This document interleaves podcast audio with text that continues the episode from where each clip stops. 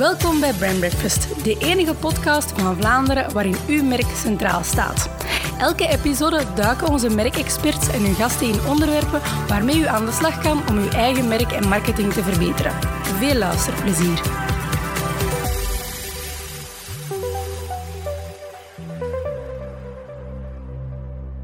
Goedemorgen beste luisteraars, welkom opnieuw bij een nieuwe editie van de Brand Breakfast podcast. Uh, we zijn intussen aan onze zesde editie toegekomen. Uh, ik zit hier vandaag niet met mijn collega Stef, maar wel met een, een gast, Gerrit Vromand. Dag Gerrit. Dag Mich. Goedemorgen. Uh, Gerrit Vromand is social media coach en consultant. Ik hoop dat ik dat juist zeg, Gerrit. Min of meer, ja. ja. Voilà, je mag dat zelfs wat meer specifieren dan als je wilt. Um, nu, Gerrit is al een tiental jaren bezig in het vak, denk ik. is heel intensief ook met social media, specifiek als niche bezig. Dus het leek ons wel interessant om hen uh, is om wat inzichten en wat tips te vragen, uh, specifiek voor de inzet van sociale media voor merken. Uh, ik ga misschien direct beginnen met de vraag, Gerrit, jij bent vooral bezig met trainingen, denk ik, met coaching. Hoe pak je dat precies aan? Hoe, hoe ga je met klanten om? Um, het is een heel... Ja, jij zegt social media coach en consultant. Ik zou mezelf geen consultant noemen, aangezien ik eigenlijk heel weinig één op één met klanten samenwerk. Oké. Okay. De meeste van mijn klanten volgen eigenlijk een soort van online programma bij mij. Mhm. Dus ik heb de laatste jaren heel veel van mijn business gedigitaliseerd en gezegd van oké, als je bij mij wil leren over hoe je bijvoorbeeld Facebook gebruikt voor je business, dan kan je inschrijven voor een soort van 30 dagen programma waarin dat je leert hoe je betere Facebook post gaat maken bijvoorbeeld. Oké. ja. En um, dus heel veel van mijn business draait online, en uh, webinars, workshops, presentaties, 30 dagen Facebook challenge waarin je leert betere Facebook posts maken en dan maakt dat ik um, ook naar ja, uh, kleine zelfstandigen kan een kwaliteitsvolle training gaan aanbieden zonder dat er een volledige consultant dag moet betaald worden bijvoorbeeld. Ja, ja oké. Je bespaart je eigenlijk ook de, de verplaatsing en uh, weet ik veel wat. Onder andere, ja. ja, ja, ja. Uh, dat format, ik vind dat eigenlijk heel interessant. Webinars en zo. Zijn dat dingen dat je zegt van ja, oké, dat, dat, dat, is booming. Dat is ook iets wat, wat andere bedrijven kunnen gaan doen. Allee, dan niet over social media, maar specifiek in hun vakgebied. Denk je dat daar een, een grote markt voor is in Vlaanderen? Ik denk dat er een enorm grote markt is en dat er nog heel weinig mensen daarop aan het spelen zijn. Mhm. Als je, ah, ik bedoel, je weet, in Vlaanderen lopen we altijd achter op andere, andere landen. Hè. Kijk, kijk naar Nederland die een paar jaar voorop lopen, kijk naar Amerika die nog een paar jaar voorop lopen. Mhm. De Nederlanders zeggen zelf al dat ze achterlopen op Amerika. We, we hebben daar het onze, ons gedacht over. Maar ik weet dat er heel veel uh, ja, merken zijn die webinars gaan gebruiken om hun klanten te gaan betrekken in alles wat er rondom gebeurt, om dingen aan hun klanten te gaan leren, om dan uiteindelijk ook een aanbod te doen naar een product of een dienst. En het is een heel goede manier om veel mensen tegelijk samen te krijgen in een online, in een online platform, waar dat je een webinar kan geven, waar dat je een presentatie kan geven, waar dat je mensen iets kan leren en waar dat je ze dus ook een aanbod kan doen, waar dat ze meteen op kunnen instappen. Ja, de drempel is wat lager dan. Ja, de drempel is wat lager. Ik ga zeggen, het wordt steeds hoger. In de zin dat de, de mensen... Ze hebben wel al eens webinars gevolgd en er zijn ook uh, clowns die wel eens webinars geven die eigenlijk niks meer zijn dan pure salespresentatie. En dan, dan heb je een uur verspeeld. Waardoor mensen zo'n beetje kritisch worden tegenover een webinar. Mhm. Maar als, je, als jij een goede webinar kan geven waarin mensen effectief iets gaan leren en je koppelt daar iets aan om te, om te gaan verkopen op, op het einde, dan, dan werkt dat wel supergoed. En ik doe het al een paar jaar. Ik merk dat er steeds meer mensen mee beginnen. En ik, ik denk dat het gewoon een hele goede manier is om op de manier waarop ik mijn business run, zijn heel veel digitale, digitale producten, om dat eigenlijk aan de man te brengen. Oké, dat is heel interessant om, uh, om daar eens wat inzicht in te hebben. Um, dus misschien direct een uh, segue naar mijn volgende vraag. Je bent nu een tiental jaar bezig met marketing, heel actief uh, daar advies rond aan het geven, mhm. bedrijven en, en mensen mee aan het helpen. Um, hoe heb jij dat landschap zien evolueren? Want ik hoor je nu zelf zeggen, maar ja, ik ben meer met digitalisering bezig de laatste tijd. Um, hoe zie je dat communicatielandschap evolueren? Goh, um, ik, ik, als, als het gaat, ah, mijn specialiteit is puur is echt social media. En ik merk dat waar we, waar we vroeger, toen, toen wij nog samenwerkten, want we, hebben, we zijn collega's geweest, ehm, dat we toen vooral zaten met grotere bedrijven die starten met social media. En dat er toen zoiets was van: oké, ehm, die, die bakker om de hoek of die, die, lokale, die lokale handelaars of die, die kleine zelfstandigen, die, ja, die blijft daar eigenlijk beter van weg, want die doet het toch niet goed. Ja. Dat was ook een visie die, die ik had. En ik heb gezegd van oké, in plaats van te zeggen van oké, blijf er van weg, ga, heb ik gezegd ik ga, ik ga je leren hoe dat je het kan doen. Mhm. En ik merk dat nu, social media is voor heel veel kleine zelfstandigen de springplank naar eigenlijk hun business eh, te, kunnen, te kunnen marketen, hun business bij het publiek te krijgen. En er is heel veel mogelijk bij heel weinig geld. Ja, ja. Dus je hebt geen, je hebt geen, geen duizend euro meer nodig om een annons in de gazette te zetten. Nee, je kunt een Facebookpagina maken en je kunt daar op beginnen vertellen. Ja, en als het interessant is, dan gaan de mensen nu volgen. ja, dat is wel een vereiste natuurlijk. in Ja, uiteraard. Het moet wel interessant zijn. Zeg maar, hoor ik het dan goed, Gerrit, dat je, dat je er ook van uitgaat, raad je dan ook altijd aan aan bedrijven om heel actief te zijn op social media? Eh, Allee, ik weet dat dat natuurlijk uw vak is, dus je gaat waarschijnlijk geen nee antwoorden op die vraag, maar eh, is, het, is het een vereiste, zal ik maar zeggen, voor een bedrijf om online aanwezig te zijn, op social media aanwezig te zijn? Wel, één, één ding dat ik doe, ja, ik ga... Als er soms, de, af en toe komt er een klant langs en dan zijn we voor een hele dag en dan gaan we samen gaan lunchen. En wat ik eigenlijk het liefst zou doen, is de dag ervoor of de ochtend zelf gaan kijken van oké, in welk restaurant hier in de buurt gaan we gaan eten. En dan zou ik denken van oké, ik ga eens naar de, de Facebookpagina surfen van dat restaurant, kijken wat de, wat de lunch is vandaag. En perfect mogelijk voor een restaurant om om 11 uur een foto online te zetten van dit is wat de lunch gaat zijn. Maar de realiteit is dat heel veel van die kleine, kleine bedrijven, lokale bedrijven, eigenlijk niks doen met een Facebookpagina. En dan staat er, ah, de, eh, de kerstmenu van 2016 is eh gevogeld met dit en dat. En, En- en aan wat ligt dat denk Gerrit? Dat dat toch, toch een drempel blijkt? Want je zegt zelf, ja oké, die drempel is lager, het is goedkoper geworden. Hoe komt dat dat heel wat bedrijven daar nog moeite mee hebben, denk je? Ik denk dat het een stukje kennis is van oké, hoe gaan we daarmee om? Ik denk dat het een stukje ehm, verkeerd gebruik geweest is. Waarbij mensen ze hebben gezegd van ah, we, gaan hier een Facebookpagina maken, we gaan daar eh, posten wanneer dat we open zijn, wanneer we sluiten, wanneer het open deurdag is. En dat ze eigenlijk gemerkt hebben van oké, we gaan hier af en toe wat op posten en na een tijd ja, komt er daar geen respons meer op. Want als jij altijd zegt van oh, we hebben iets aan te kondigen, we gaan hier een keer rec- reclame maken voor wat eraan komt, dan zit je alleen maar reclame te maken en ja, dat is helaas niet die interessante content waar dat we het net over hadden. Dus het is vaak te commercieel. Je zegt dat er eigenlijk wat meer in verhaal in moet zitten dan. Of, eh, Ja, is, het is echt een kwestie van eh, goede content gaan maken en dat gaan combineren met de dingen die je hebt aan te bieden. En dat wil zeggen dat je daar eigenlijk heel vaak mee moet bezig zijn en dat je eigenlijk continu moet aan het denken zijn van wat gaan we posten, welk, welk brand gaan we hier bouwen. Hè? Dus de branding, heel het brandingstukje voordat er sales komt. Want je kunt pas sales doen nadat je de branding hebt gedaan. En dat is een, een verdeling die, eh, die heel veel bedrijven nog gewoon volledig mis hebben. Ah, we hebben een Facebookpagina, we hebben hier wat aan te kondigen, post het erop. En dan merken ze dat ze misschien wat, 500 fans hebben op een Facebookpagina, of misschien 5000. En dat die post misschien 100 mensen bereikt. En dan ze van, ja, nul likes, nul reacties. En ja, dan, dan hou je het niet vol. Maar dan is de vraag die je jezelf kan stellen, is er iets mis met het platform? Is dat Facebook, is dat Instagram, is dat Twitter, is dat LinkedIn, whatever? Of is, het, is er iets mis met hoe dat wij het aanpakken?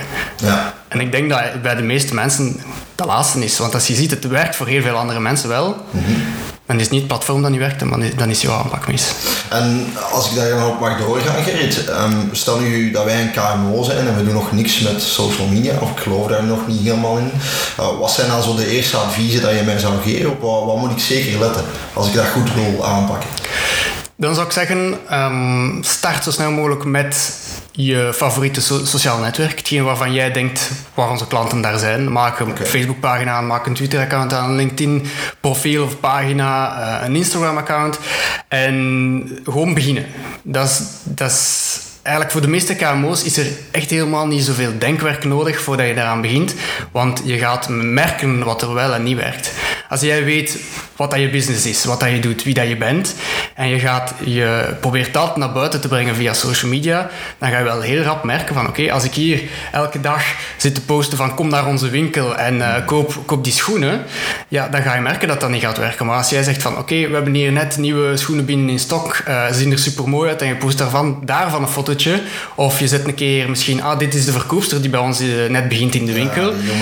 Ja, dan ga je het heel wat anders gaan aanpakken en dan wordt het wel weer interessant voor de mensen. En dus dat zijn dingen die je moet gaan ontdekken. Wat werkt er voor jou en wat werkt er niet voor jou?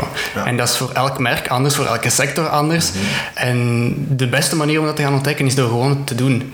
Ik raad al mijn klanten aan om elke dag te posten op social media. Elke dus dag? Ja. echt elke dag. Het weekend mag je skippen, dus, maar toch vijf op zeven dagen en elke dag één post. En dat is ook die 13 dagen Facebook Challenge waar ik het over had. Dat is ook wat dat doet. Dat forceert je om 13 dagen aan een stuk te gaan posten. Alright, cool. Dat is ook een uh, learning voor ons, denk ik. Ik denk dat we iets van een, een twee à drietal posts per week doen. Ja. Um, Gerrit, loop je ook een risico dat je te veel communiceert met sociale media als merk? Ik bedoel daarmee van ja, ik zie soms brands die, die, zelfs misschien meerdere maal per, per dag communiceren.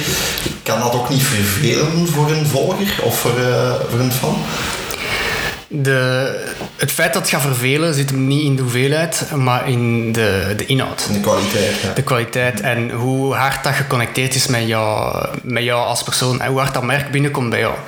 Als, als jij als merk mij elke dag tien tips kan geven over hoe ik mijn, mijn branding beter kan doen, hoe ik mijn merk beter kan positioneren. Mm. Uh, en dat zijn goede tips en dat zijn dingen waar ik mee aan de slag kan. Of waar ik zeg van, ah, ik, ga, ik ga dat onthouden morgen als ik met die klant aan tafel zit. Of morgen als er iemand hier binnen, binnenwandelt.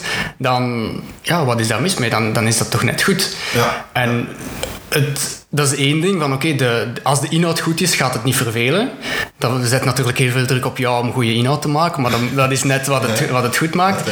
En langs de andere kant ook, er zit altijd een zelfregulerend mechanisme in. De algoritmes waar iedereen het over heeft. Hè. Er is geen enkel sociaal netwerk meer dat niet... Uh, dat niet een algoritme gebruikt. Dus de tijd van de chronologische Twitter-feed is voorbij. De tijd van de, de chronologische Facebook en Instagram is allemaal voorbij. Het is, uh, die platformen gaan een selectie gaan maken in wat mensen zien. Ja. Dus de enige die alles ziet wat dat jij maakt, dat zeg jij. Ja. Ja, en je weet ook in, in marketing en communicatie, mensen moeten een boodschap vaak genoeg zien tegen dat ze gezien hebben, snappen, tegen dat ze er iets mee gaan doen. Dus ook op social media moet je gewoon vaak genoeg dezelfde boodschap brengen. Niet jezelf gaan herhalen, maar gewoon op voldoende manieren. Ja, voldoende top of mind blijven. Top of mind blijven, ervoor zorgen dat de mensen zien wie dat je bent, wat dat je doet. Dat de mensen zoiets gaan hebben van oké, ehm, we moeten aan onze branding werken, oké, dan kom ik bij Pavlov.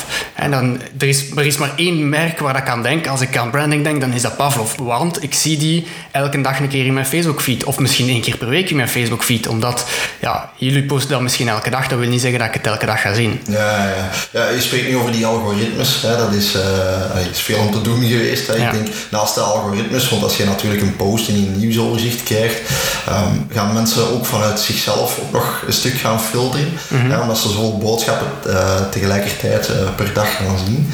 Um, ik kan misschien nog wat verder gaan, inderdaad, op, op, op uh, wat dat jij zegt, de kwaliteit, dat dat eigenlijk belangrijk is ook om voldoende naar buiten te komen. In welke mate um, kan dat nog enkel organisch bedoel, gebeuren? Ik bedoel daarmee, je spreekt niet over die algoritmes. Facebook bijvoorbeeld gaat filteren, gaat bepaalde boodschappen minder weergeven. dat percentage organisch bereik, dat daalt ook steeds meer. Dat zien we in de statistieken. Daalt al jaren um, aan een stukje. Ja, inderdaad. Dat is realiteit. En ik ben het er uiteraard mee eens dat met kwaliteit te brengen dat je een stuk compenseert. Um, in welke mate zijn, is paid reach daarin belangrijk? In welke mate moeten bedrijven inzetten op advertenties op sociale media? Um, als je moesten we teruggaan naar dat voorbeeld van daarnet, van jij wil starten met social media, dan zou ik zeggen, ga, begin zo organisch mogelijk. Mm Start met, met dat kanaal aan te maken. Heb je misschien een, eh, een e-mail marketing database waar je naar kan sturen, stuur een aankondiging. We hebben vanaf nu een Facebookpagina. Uh, hang een poster op in je winkel. Uh, zeg het tegen iedereen die langskomt. Mm En gebruik de organische middelen die je hebt om dat te doen groeien. En na een tijd ga je merken van oké, we komen daar aan ons plafond en dan kan je, dan kan je inderdaad gaan, gaan adverteren, maar dan ga je heel bewust gaan adverteren op een manier die, die, waarvan je gaat zeggen oké, dit gaat voor ons klanten opleveren. Ja. Ik weet, Facebook heel specifiek maakt het je heel gemakkelijk om op bericht promoten te klikken. absoluut, ja. Eh, betaal 7 euro voor 1000 mensen in je buurt te bereiken. Ah, dat, dat klinkt tof. Maar dan, eh, als je daarop klikt, dan krijg je misschien wel likes. En als je chance hebt, dan zijn het eh, effectief ook Belgische likes en geen, eh, geen buitenlandse likes van die, van, die, van die valse accounts. Dus als je chance hebt, dan zit dat al goed. Maar dan heb je eigenlijk mensen die, zullen zeggen, nog nooit van jou gehoord hebben, die plots een post van jou gaan liken. En dan kun je daarvan gaan afvragen van, oké, wat is de meer... Wat is de value daarvan? Wat is de, wat is de meerwaarde? Als ik ga adverteren en ik geef, eh, ik, ik geef voor mezelf, voor mijn eigen bedrijf nu soms per maand meer uit aan advertenties dan dat ik vroeger voor klanten deed toen ik nog eh, in een agency werkte. Ehm, maar dan doe ik dat heel bewust en dan gaat daar een advertentie die gaat naar een blogpost. Van die blogpost download je een freebie of een content upgrade. Via die content upgrade kom je op een e-maillijst. Via die e-maillijst kom je in een, een, eh, een training over, een mini-training over hoe je Facebook gebruikt. En na die training komt er een product dat je kan kopen. Oké, dus je hebt goed nagedacht over je customer journey daar. Ja, die, die zit, ik ga niet zeggen dat die perfect is, maar daar zit, daar zit over nagedacht. Dus ik weet, als ik ga adverteren, voor elke, voor elke 100 euro die ik ga uitgeven, gaat er, gaat er meer, gaan er meer euro's terugkomen. Ja. En dan, ga je, dan weet je dat, je dat je goed bezig bent. Dan is het niet zo van, oké, even bericht promoten klikken en hopen dat er, eh, dat er mensen in je winkel binnenstappen of hopen dat er mensen je website gaan bezoeken. Ja, je had nu een concreet eh, voorbeeld aan, hè. Die, die sales als metric gebruik jij. Je zegt vaak, ik steek er 100 euro in, krijg je misschien 1000 euro uit. Eh, natuurlijk, in sommige businesses is dat iets moeilijker te meten. Hè. Dat zal je bij je klanten ook wel merken. Ja. Ehm, zeker als die niet digital zijn. Jij doet nu heel veel digitaal, dus je kan er ook makkelijker meten. Ehm, wat, zijn, wat zijn andere metrics waarvan jij zegt van daar kan ik het succes van mijn social media acties goed mee meten? Want ik weet dat veel bedrijven, ook onze klanten, zijn, hebben een idee fix over het aantal fans. Hè. Ik zeg hen ook heel vaak van ja, dat is maar één aspect. En eigenlijk is dat ook niet het meest belangrijke aspect. Hè, Het is veel belangrijk dat je hè, eh, conversies hebt, dat je doorkliks hebt, dat soort zaken. Hoe zie je dat zelf? Wat zijn voor u belangrijke succesfactoren, denk je? Ehm, de, mens, de meeste mensen waarmee, waarmee ik werk zijn zelfstandigen die merken heel snel van oké, er komt hier een nieuwe contactaanvraag of een nieuwe offerteaanvraag of er belt iemand om zeg maar eh, een afspraak te boeken voor een massage. Hè. Dat is, Dus dat, dat werkt heel snel. Ehm, en dan merk ik ook van oké, mensen die betere content beginnen maken, zo van oké, dat, bericht, dat bericht bereikt veel mensen, je krijgt wat interacties en je ziet dan ook van ehm, mensen gaan dat liken en ze sturen misschien een privébericht om een afspraak te boeken. Dus dat zijn dingen die heel snel gaan. Zelf al is dat geen online verkoop. Dus zelf al heb je geen webshop of zo. Dus dat kan, dat kan allemaal en dat ga je heel gemakkelijk merken als kleine zelfstandige. Als KMO, waar je niet één op één zicht hebt eh, of elke minuut zicht hebt op wat er binnenkomt, dan denk ik is het een beetje gaan, gaan opvolgen en op lange termijn gaan bekijken. Want je, ja, aantal likes op Facebook is één ding, aantal volgers op Instagram dat is één ding. Ehm, hoeveel keer dat, dat een foto geliked is geweest of hoeveel reacties erop hebt, hebt, dat is ook ja, dat is al een volgende stap. Gaan kijken van oké, wat doen de mensen met die content? Maar dan daarna moet je ook gaan kijken van oké, welke, welk pad volgen die mensen? Ja. Is dat, misschien kan je, je kan dat gaan dat is heel, nu heel technisch, maar ik kan bijvoorbeeld in Facebook ook zeggen van ik maak een, van mijn kassasysteem, stel je hebt een win- een schoenenwinkel, je maakt een export van het kassasysteem, als jij het e-mailadres hebt van die klant, dan kan je dat in Facebook gaan steken en dan kan je gaan Facebook laten controleren, heeft die persoon met datzelfde e-mailadres die advertentie gezien. Oké, ja. En dan kan je gaan matchen, oké, die, die klant die dan die schoenen heeft gekocht, oké, die heeft een week geleden deze advertentie gezien. Dat Dus je offline. Doet, eh, via Google Analytics het pad van eh, Ja. een bezoeker die doorklikt vanuit Facebook eh, perfect kan Ja. meten door je website. Ja, ja, klopt. En dat is nu rechtstreeks naar sales toe. Maar zoals je ook weet, iets van al het branding, dat is heel moeilijk meetbaar in hoe mensen jou, jouw merk zien. Maar dat zijn dingen die je, die je, ja, die je moet gaan, gaan onderzoeken met, met surveys, met eh, onderzoek, merk, merkpositioneringsonderzoeken, de dingen die de mensen over jou zeggen. En ehm, ja, dat is heel wat moeilijker dan kijken naar, oké, we hebben zoveel mensen bereikt en er hebben zoveel mensen onze post geliked. Maar ja, Dat is waar, ja, inderdaad. Ik denk dat dat een beetje de valkuil is. Hè. Je hebt inderdaad heel veel metrics uit online, eh, uit online kanalen, maar ja, uiteindelijk wat dat telt is de bottom line. Hè. Wat, hoe dat je merk groeit en hoe, Ja. hoe je resultaat in sales is natuurlijk. Hè. Ja, ja. En dat is ook het ding, als je... Facebook maakt het daar heel gemakkelijk om bericht promoten te klikken. Ja, ja. Ik, naar mijn mening te gemakkelijk. Uiteraard is dat een manier voor hun om aan al die... Ja, ik geloof dat er 1 miljoen bedrijven zijn in België, om daar ook, al is het maar 5 euro per, per maand van te krijgen. Ja, dat is gigantische markt, hè. Dat, dat brengt wat op voor hun. Maar ik, ik raad iedereen af om gewoon even bericht promoten te klikken. En als je gaat adverteren, van het dan heel bewust te gaan doen. En te gaan kijken, wat willen we daarmee gaan bereiken. Ja, ja, ja. oké. ehm, Gerrit, misschien daarop, daarop volgend, want we zijn nu ja, bezig over de marketing toepassingen eigenlijk van sociale media uw Ja. merken. Ehm, ik ga misschien aan mijn tante de vraag stellen, omdat ik zelf ook al lang met in die sector zit. Hè, en ik heb dat ook wat zien evolueren. Eh, je zei het net ook, we zijn oud collega's geweest inderdaad. Hè. Ehm, eh, ik weet destijds in 2010, 2011 dat men heel vaak sprak over communities. Hè, dat sociale media echt eh, iets, iets heel menselijk was. Mensen die elkaar ontmoeten, dialogeren met elkaar, gaan spreken met elkaar. Ehm, hoe heb je het gevoel dat dat geëvolueerd is? Is sociale media wat meer geleid naar een marketingplatform, denk je? Of zit daar nog altijd een heel sterk sociaal component in? Dat hangt er vanaf van hoe je het gebruikt. Ehm, voor mij is social media. Ik ben, ik ben een marketeer, dus dat is, ik gebruik dat voor mijn marketing.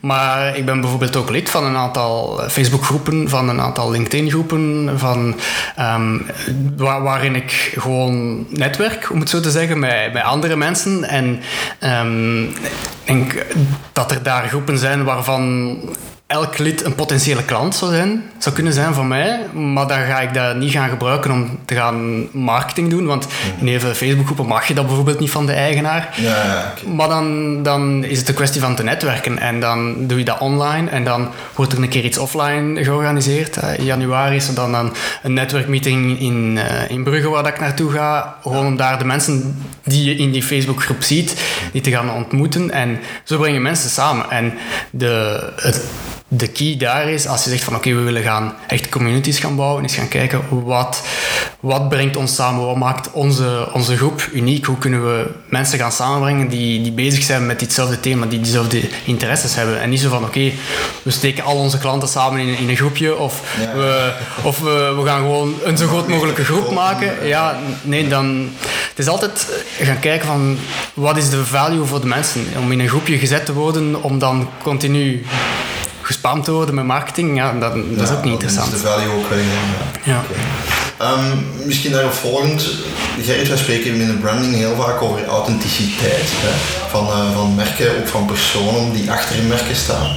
Ehm, nu een evolutie die ik heel vaak zie, allee, die, ik, die ik de laatste jaren heb, heb, heb gezien, is eh, de opkomst van influencers en mensen die ja, een bepaald thema vertegenwoordigen of heel veel volgers hebben, eh, die zichzelf allee, al dan niet terecht als influencer uitroepen. Hoe sta je daar tegenover? Want ik weet dat er heel veel bedrijven zijn die bijvoorbeeld investeren daarin, die ook zeggen, ja, we willen een influencer inzetten eh, om over ons reclame te maken of om eh, een review te schrijven bijvoorbeeld over ons merk. Ehm, in welke mate is dat authentiek, denk je? Eh, Wie, wie moet er authentiek zijn? De influencer of het merk dat de influencer betaalt? Ja, mijn vraag is eigenlijk voornamelijk van, ik heb het gevoel dat er een stukje een business aspect in gekomen is. Mhm. Ik vraag me soms af hoe authentiek eh, het influencer gegeven vandaag de dag nog is. Ja. Eh, misschien dat ik daarin als een oude zak klink, maar eh, ik denk dat influencers in het begin natuurlijk heel organisch groeiden tot die status. Mhm. Als ik nu merk dat er op Instagram mensen zijn die likes kopen bijvoorbeeld, of met allerlei trucjes zichzelf tot die status uitroepen. Ja, ehm, ik wil daar graag eens uw opinie over, wat, wat jij daarvan vindt. Of hoe- hoe, dat je die valkuil ook als merk kan ontwijken. Ja. Hoe ik dat... Dus, oké, er zijn twee aspecten. Hè. Je, hebt, je hebt langs de ene kant influencer zijn of, inf- of jezelf influencer noemen. Ik denk mensen die zichzelf... ah, die influencer zijn, die zijn niet gestart met ik wil influencer zijn of ik wil influencer worden. Die zijn gestart met oké, ik heb hier een passie en ik ga daarover vertellen. Ja.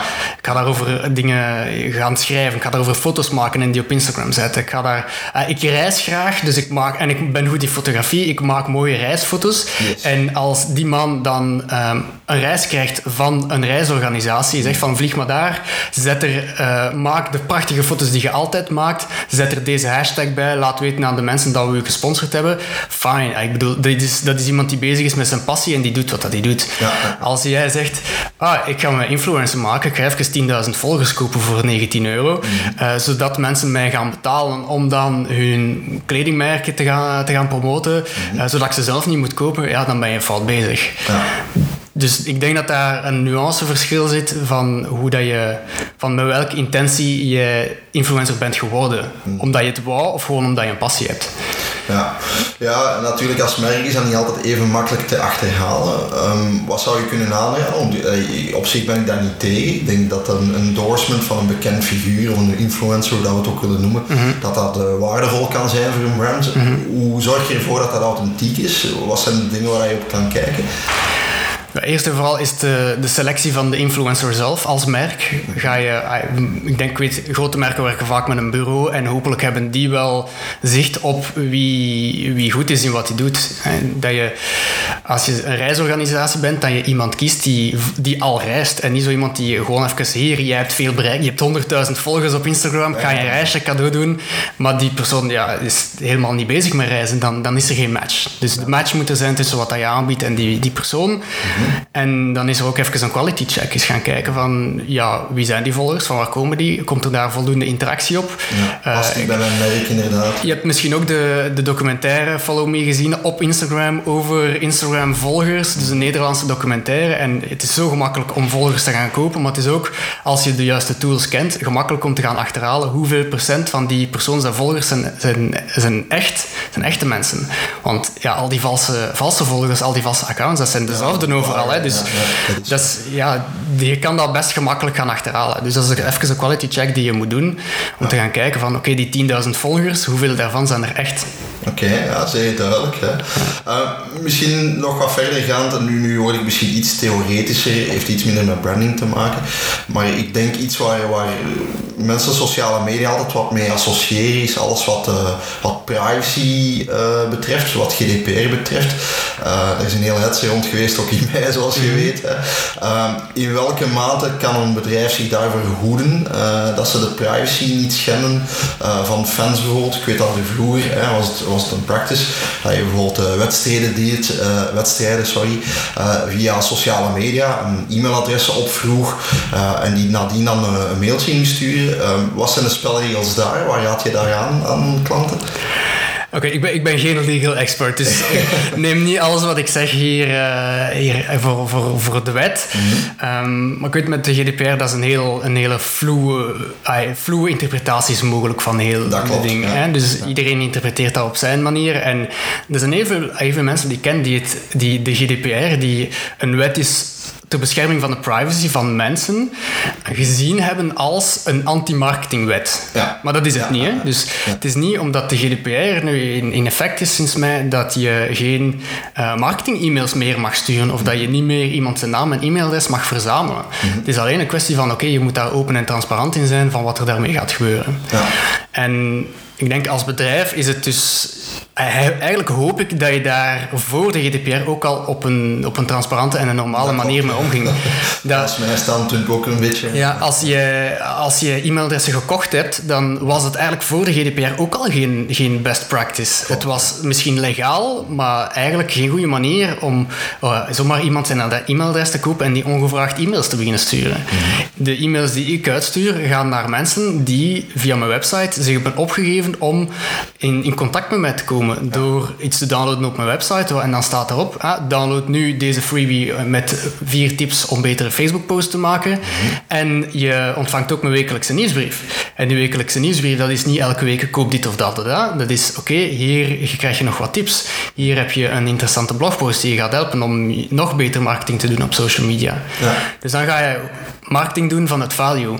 En de GDPR is helemaal niet tegen marketing, is helemaal niet tegen value. Het is Ik gewoon... denk dat de intenties daar zeer goed waren, hè? maar het heeft heel wat KMO's zeker en eigenlijk gewoon heel wat bedrijven ook heel bang gemaakt hè, op dat moment. Ja, ik weet dat er mensen zijn die zeggen van oké, ik ga aan heel mijn e-maillijst vragen of ik ze opnieuw mag mailen, Ja. opnieuw de goedkeuring krijgen, wat zo officieel, denk ik, ergens in de wet stond, maar misschien door bepaalde mensen zo geïnterpreteerd is en dat mensen beginnen schrik aanjagen. En Er zijn heel veel mensen die veel geld hebben verdiend aan heel de GDPR-chaos.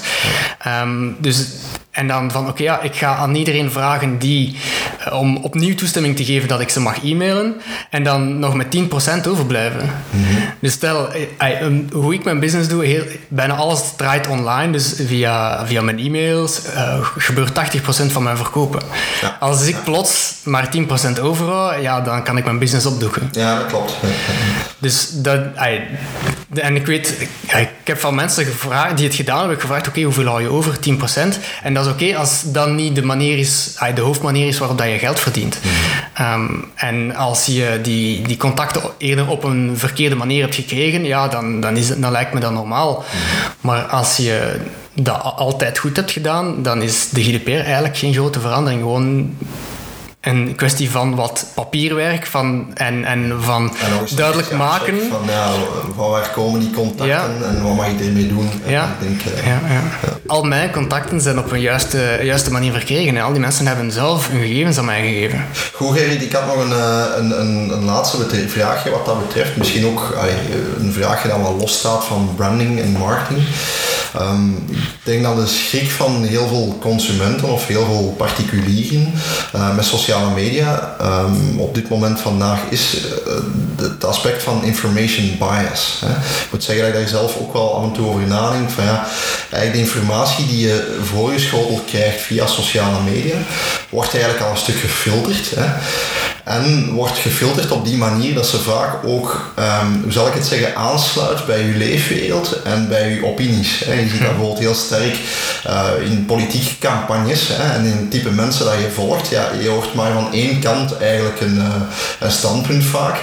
Ehm, zitten daar gevaren, denk je? Soms denk ik van ja, social media heeft daar, heeft daar ook wel een, een, een, een- ja, een dubbele rol in. Hè. Langs de ene kant gaan ze mensen informeren. Langs de andere kant wordt die opinie eigenlijk ook al een stukje gevormd op voorhand, doordat er een, soort bubbel wordt gecreëerd. Hoe sta jij daar tegenover? Ehm, eerlijk gezegd, ik heb daar soms ook moeilijk mee als je zo ziet ah, mensen die bijvoorbeeld bepaalde racistische uitspraken gaan doen op Facebook, die dan bevestigd worden door andere mensen. Ja. Of van die verhalen die zo de ronde gaan van eh, ja, daar aangevallen in Brussel en dan iedereen heeft wel altijd een verhaal, maar je weet nooit, ja, je ziet uiteraard maar één, één kant van het verhaal. En ik heb er wel ook over nagedacht van oké, wie is eigenlijk de bad guy daarin? En is social media the bad guy? Of zou dat gewoon ook gebeuren zonder social media? Als jij bepaalde overtuigingen hebt, dan ga je toch ook gewoon vrienden opzoeken, op café gaan met die vrienden, naar eh, bepaalde, bepaalde cafés gaan waar dat soort mensen komen om die dingen bevestigd te zien. Ja, ik denk dat het verschil nu vandaag de dag is dat social media dat effect natuurlijk enorm vergroot. Hè? Waar je Ja. vroeger inderdaad een kring van honderdtal mensen rond u had, eh, kan uw boodschap nu vandaag eh, zeer breed gaan. Ik denk ook aan de hele campagne rond Trump en dergelijke en de mogelijke beïnvloeding hè, die daar rond geweest is. Ehm, heeft social media daar ergens ook een, een, een negatieve rol in? Of zeg je, ja, hoe moeten wij daar, hoe moeten wij daar als, als, als consument of als particulier mee omgaan? Je, je gaat daarmee om zoals dat je met alle informatie omgaat. En social media is eigenlijk social media is alleen maar een, een digitale vorm van de maatschappij zoals die is.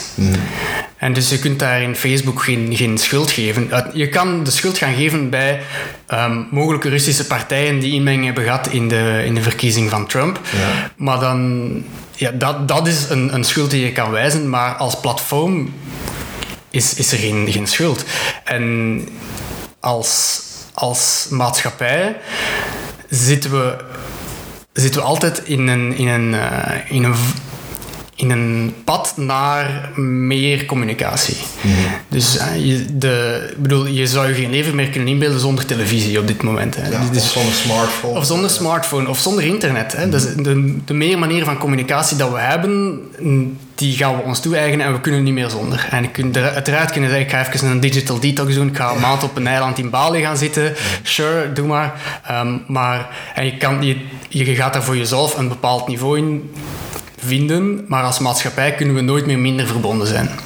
En dus tools, of dat dat nu Facebook is of dat is een ander sociaal netwerk dat er misschien over tien jaar zal zijn, dat gaat altijd gewoon een reflectie zijn van de maatschappij en dat gaat altijd dingen kunnen versterken. Maar net zoals dat een slechte boodschap kan versterken, kan dat evengoed goede boodschappen versterken. Ja. En het is dan aan u als mens om te kiezen wie je gaat volgen En om daar correct mee om te gaan. om daar correct mee om te gaan. En ehm, uiteraard kies je zelf wat, dat je, wat dat je volgt en wie, naar wie dat je luistert.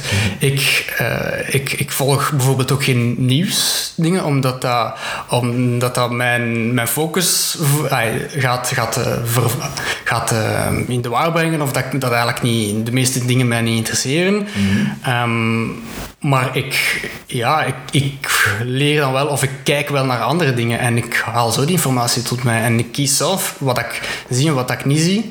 En ja, een algoritme van Facebook gaat dat bevestigen en dat is, ja, is dat slecht? Nee toch? Ja, Het is alleen maar als je intenties slecht zijn dat dat slecht is, maar ja, wie bepaalt er wat goed en wat slecht is? Dat is waar. ja. Ik bedoel, je- wij- we, spreken nu over, over Trump als ah, beïnvloeding van de verkiezing van Trump. En in België zijn er heel veel mensen die zeggen van oké, de verkiezing van Trump was geen goed, geen goed resultaat. Ja. In Amerika zijn er heel veel mensen die denken dat het wel een goed, eh, Ja, goed klopt, resultaat was. Dus we hebben daar onze visie over, maar dat wil niet zeggen dat dat de waarheid is. Oké, interessant. Ik zal even terugkomen naar iets luchtiger. eh, Kurt. Eh, ik vond het wel eens interessant om je opinie daar eens over te staren.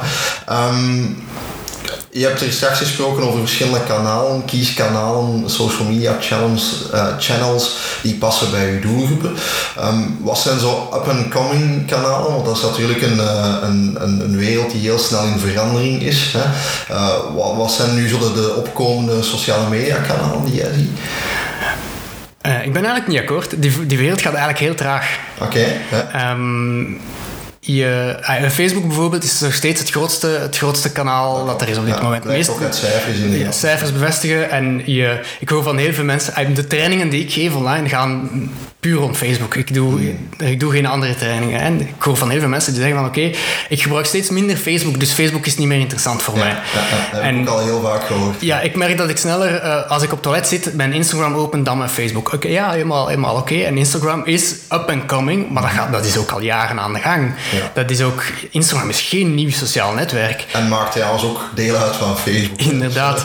En, maar ja, bon, dat maakt, je gaat die wel apart gaan gebruiken. Dus je gaat kiezen voor Facebook of Instagram, of beide uiteraard.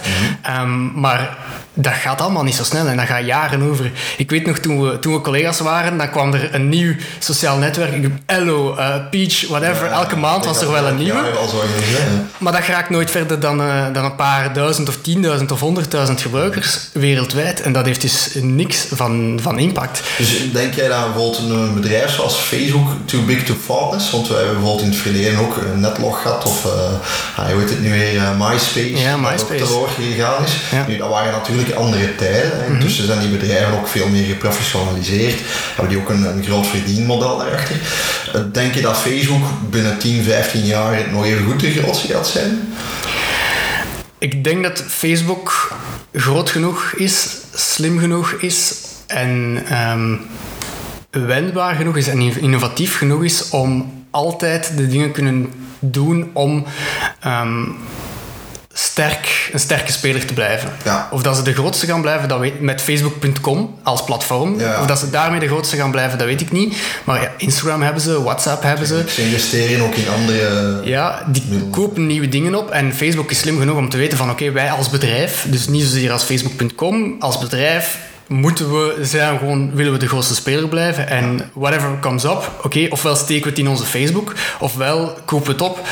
Facebook heeft bijvoorbeeld ehm, zo een, een, eh, Musical.ly ken je bijvoorbeeld. Misschien als een upcoming social network bij heel veel tieners. Hè, zingen voor de camera, heeft lipsyncing. En ehm, ik geloof dat het ondertussen ook al opgekocht is geweest door een Chinese speler. En ik weet, Facebook heeft dat gewoon ook geïntegreerd in zijn, in zijn camerafunctie. Dus Ja, als je zo ja, in Facebook naar links... vaak doen, ja. Als je naar links swipe, dan kun je zeggen van oké, ik kan nu dat liedje zingen en doe ik dat gewoon mee. Facebook is gewoon sterk genoeg om die dingen te kunnen doen. Kijk naar, ehm, hoe heet het alweer? Snapchat. Oké, Snapchat is, eh, was up and coming, is gewoon volledig gekelderd geweest door Instagram. en omdat die, genoeg waren om de functies te integreren. ja, eh, want dat, dat is het ding. Wat maakte Snapchat leuk, is een functie. Ja. Er was als, aan Snapchat, er waren heel veel mensen, heel veel mensen die, die het gebruikten, maar heel veel mensen die zoiets hadden, ik heb er geen nieuw sociaal netwerk bij. Dus dat was de sterkte van Snapchat, een functie om snel en gemakkelijk foto's en video's achter elkaar te zetten en die te gaan delen. Wat doet Instagram? Hup, we kopiëren dat, we steken dat erin. En er zijn op dit moment, ik geloof dat er meer mensen Instagram stories bekijken dan dat ze de feed bekijken. Dus Ja, de, kla- de klassieke feed. Dus dat is, dat is als de, uw sterkte als netwerk een feature is, Ja. ja, zeg maar zeker dat die gewoon gekopieerd kan worden. Dus je moet gaan... Ik, ben, ik weet niet of dit nog de vraag was, maar uiteindelijk, ja, als, als netwerk moet je gaan kijken wat maakt ons goed. En bij Facebook is dat nu de grote. Ze zijn snel genoeg om dingen te gaan implementeren, slim genoeg om dingen te gaan testen. Misschien even, even als aparte app dat dan te gaan integreren in, een- in de volledige app. Ehm, bepaalde keu- onpopulaire keuzes te maken als eh, misschien twee jaar geleden ah, Messenger helemaal uit Facebook gaan trekken. Ja. twee jaar geleden heel veel protest tegenkomen. Nu is er niemand die daar nog over klaagt. En is dat een hele logische beslissing, want het is gewoon... De een is een sociaal netwerk, de ander is een chat-app. Oké.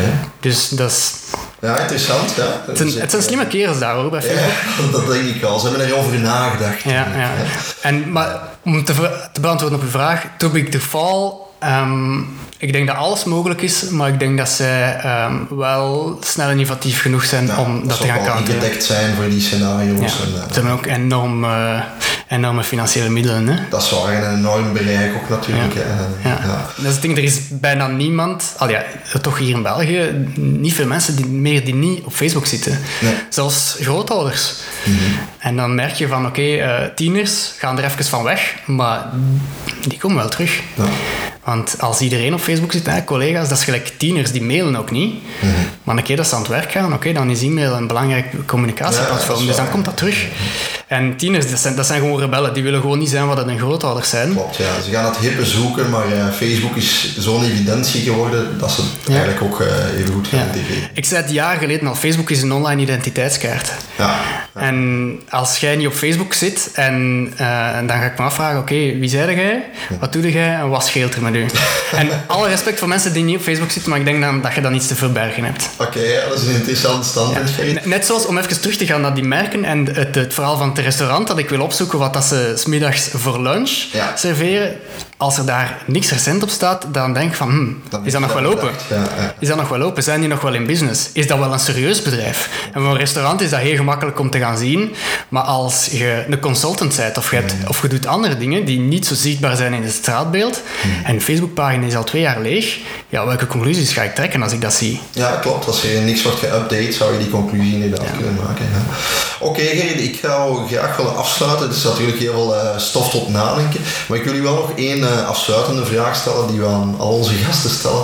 Namelijk, eh, wat vind jij een strafmerk? En dat mag ook iets zijn wat dat, eh, op social media momenteel heel sterk, een merk dat zich daar heel sterk op, op implementeert. Maar wat zeg jij nu van, dit vind ik echt een topbrand? Ja. Ehm het klinkt misschien een beetje vreemd omdat we het daar net over influencers hadden. En een merk waar ik, die ik heel sterk vind, is een persoon. Is een Amerikaanse ondernemer, Louis House. Ik weet niet of je hem kent. Nee, zeker niet. Eh, hij heeft ook een podcast, een heel, heel waardevolle podcast, waarin dat hij ook mensen interviewt. Eh, maar hij is eigenlijk een, wat hij noemt, lifestyle entrepreneur.